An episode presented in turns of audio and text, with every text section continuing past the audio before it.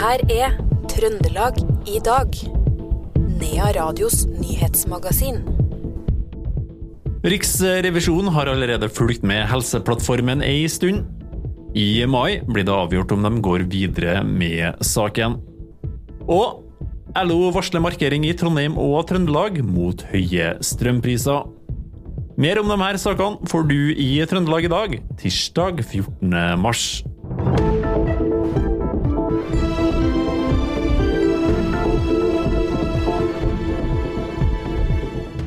Først skal vi til Helseplattformen.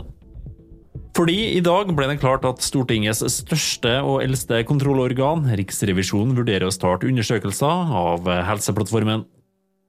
Frp vurderer også å løfte inn saken i Stortingets kontrollkomité etter omfattende problemer ved innføringa av det nye journalsystemet ved St. Olavs hospital de siste månedene. Ekspedisjonssjef Anette Goen Hellum i Riksrevisjonen sier at de har fulgt med Helseplattformen allerede ei stund. Vi har jo gjort en solid risikovurdering på den, og vi har den eh, liggende da, til vurdering. Ja, når, når, dere gjør en risikovurdering, sier du, hva, hva, er det det betyr egentlig? Hva omfatter det når Riksrevisjonen begynner å se på saker? I akkurat dette prosjektet så har vi allerede sett at resultatene så langt ikke er i tråd med det som man kan forvente. Eh, og at det har skjedd mange feil som, eh, som eh, gjør selvfølgelig at den risikoen er veldig synlig og tydelig. da. Hva kan resultatet av en granskning i Riksrevisjonen medføre? Det det medfører sånn i første omgang, er at vi setter i gang et team som går inn og gjør undersøkelser. Eh, og våre rapporter blir alltid rapportert til Stortinget og behandlet da både i eh, kontroll- og konstitusjonskomiteen og i Stortinget plenum. Når blir det avgjort om eh, dere vil gå videre med dette? Eh, vårt kollegium har møte ca. én gang i måneden, og de skal uh, vurdere våre eventuelt nye oppgaver. For uh, vi, Vårt år starter 1. mai, så hva som vi skal gjøre fra 1. mai, det blir avgjort av vårt kollegium, altså vårt styre, da, neste, om en måneds tid. Mm, og da er det i så fall fra 1. mai at dere vil eventuelt begynne å se på Helseplattformen? Ja. Det sa ekspedisjonssjef Anette Goen Hellum i Riksrevisjonen. Legespesialister er nå i gang med å gå gjennom brevene som ikke kommer frem fra St. Olavs hospital til riktig mottaker pga. systemsvikt i Helseplattformen. Til nå er nesten 6500 brev gjennomgått, og 21 av dem kan ha medført konsekvenser for oppfølging av pasientene. Det skriver St. Olavs hospital i ei pressemelding. Det var i forrige uke at det ble avdekket at over 16 000 brev ikke hadde nådd frem til mottakerne. LO varsler markeringer i Trondheim og Trøndelag mot høye strømpriser.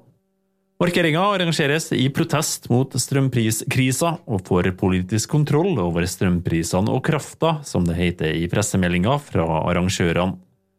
LO-leder Jon Peder Denstad i Trondheim og omegn sier at det er slik at strømprisen i Norge ikke lenger er politisk satt.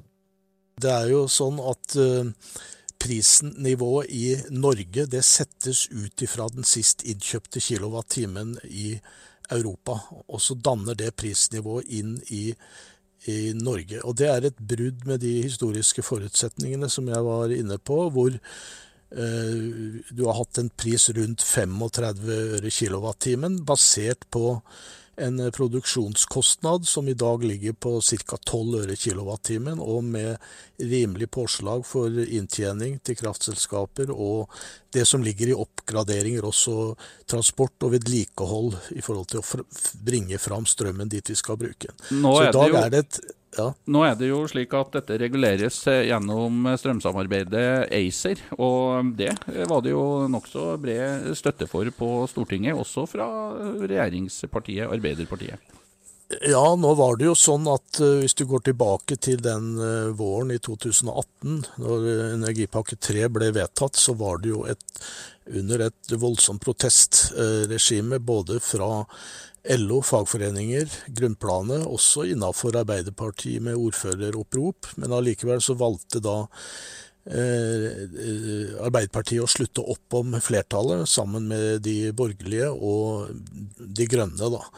Eh, og Noe av konsekvensen det ser vi nå gjennom den, den prissmitta som vi får inn. Også fordi at du fikk da i, i gang disse to kablene til henholdsvis Tyskland og England. Og med det fikk vi òg da den prissmitta inn i det norske systemet, særlig da på den sørlige delen av, av Norge, som jo har gitt ganske eh, kritiske tilstander, ikke minst for en del industribedrifter som, som sliter da, og som bygger ned det fortrinnet som er lagt i å ha lave, eh, forutsigbare strømpriser.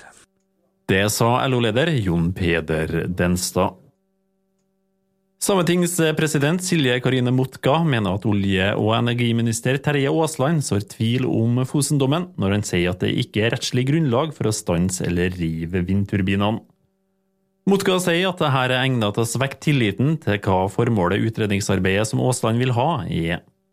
Aasland sa under ei høring i Stortinget i går at det er behov for oppdatert kunnskap om muligheten for avbøtende tiltak før et nytt vedtak kan fattes. Han sa at det vil ta noe tid. Så skal vi over til andre nyheter. Levanger rådhus begrenser nå tilgangen til ansatte og kontoretasjene for publikum. Det skriver Trønderavisa. Dette skjer etter at administrasjonen har hatt uønska besøk på rådhuset. Kommunedirektør Peter Ardon sier at de ikke stenger ytterdøra, men trappeoppgangene og tilgangene til etasjene oppover.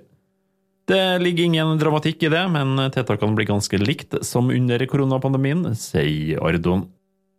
Han ønsker ikke å gå i detalj på hendelsen offentlig, men er klar på at det er nødvendig å gjennomføre enkle restriksjoner i folks tilgang til rådhusets funksjoner, utover de åpne publikumsarealene. En gutt som tok bussen mellom Trondheim og Orkanger, fikk 900 kroner i bot for å ha betalt 21 kroner for mye for billetten. De voksne som reiste sammen med gutten, kjøpte vanlig billett til seg sjøl, men studentbillett til gutten, skriver avisa Sør-Trøndelag. Han var for liten til å være student, men studentbilletten koster likevel 21 kroner mer enn barnebilletten han egentlig skulle hatt. Men det tok ikke vekterne, som hadde billettkontroll hensyn til. AtB sier det er feil å gi bot for noe sånn, og er i kontakt med gutten og familien hans. Så skal vi ta en titt på politiloggen.